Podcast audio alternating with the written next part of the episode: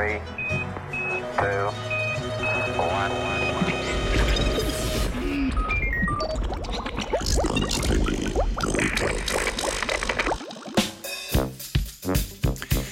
Koliko ga sploh je?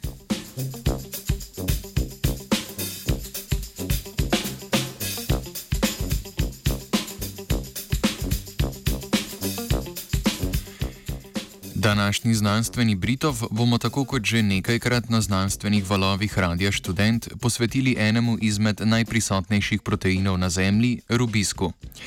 Izraelska znanstvenika iz Weizmannovega inštituta v Rehovotu sta v svoji študiji predstavila novo oceno o globalni masi in učinkovitosti tega ključnega encima.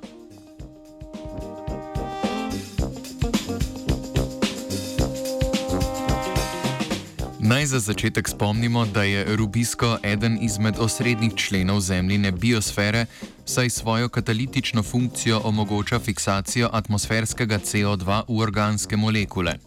Najdemo ga v fotosintetskih organizmih, tako na kopnem, kot tudi v vodi. Encim je v širši znanstveni skupnosti predvsem znan po svoji katalitični nesposobnosti.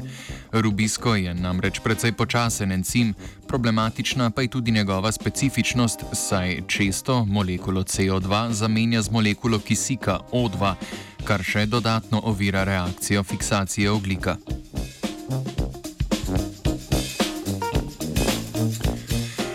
Raziskovalke in raziskovalci so kmalo po odkritju opazili, da organizmi, ki vsebujejo rubisko, njegovo neučinkovitost lahko kompenzirajo s količino rubiska v celicah. V celicah fotosintetskih organizmov lahko tako najdemo velike količine rubiska. Ta seže tudi do nekaj procentov suhe mase.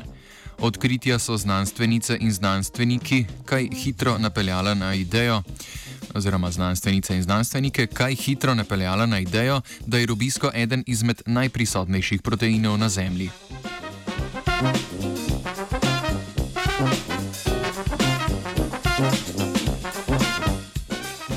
Znanstveniki in znanstvenice so na podlagi laboratorijskih meritev kinetičnih lastnosti encima in ocen naravnega prirasta zemljine biomase ocenili, da globalna masa encima znaša okoli nič celih nič 4 gigatone.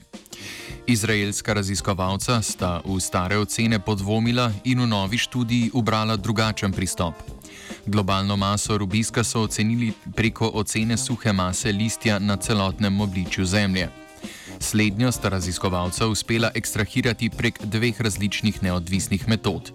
Prva je temeljila na podatkih o porazdelitvi rastlinskih vrst v različnih biomih, ti predstavljajo najširše naravne skupnosti, ki jih določajo različna okolja in podnebja. Druga metoda za določitev globalne mase vseh listov pa je temeljila na določitvi površine vsega listja na Zemlji. Raziskovalca sta v novi študiji upoštevala tudi nezanemrljiv delež rubiska, ki se nahaja v vodnih organizmih in tako dodatno izboljšala stare ocene.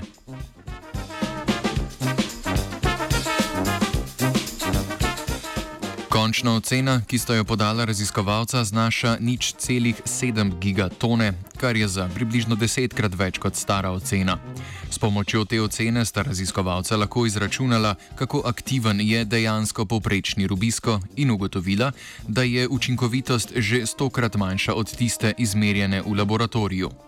Manjšo učinkovitost encima sta raziskovalca predpisala predvsem nižji povprečni temperaturi, pri kateri encim katalizira reakcijo in noči, ki ko ta sploh ni aktiven. Kljub omenjenim prispevkom pa ostaja izjemno nizka globalna aktivnost rubiska še vedno nerazrešeno vprašanje.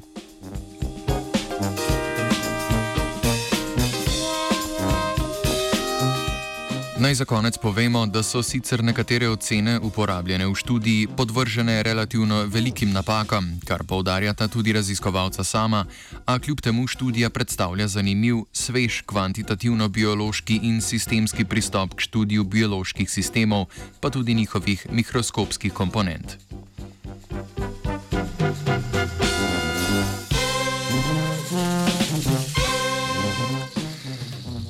Z vami in za vsak dan, Rubisko in Uroš.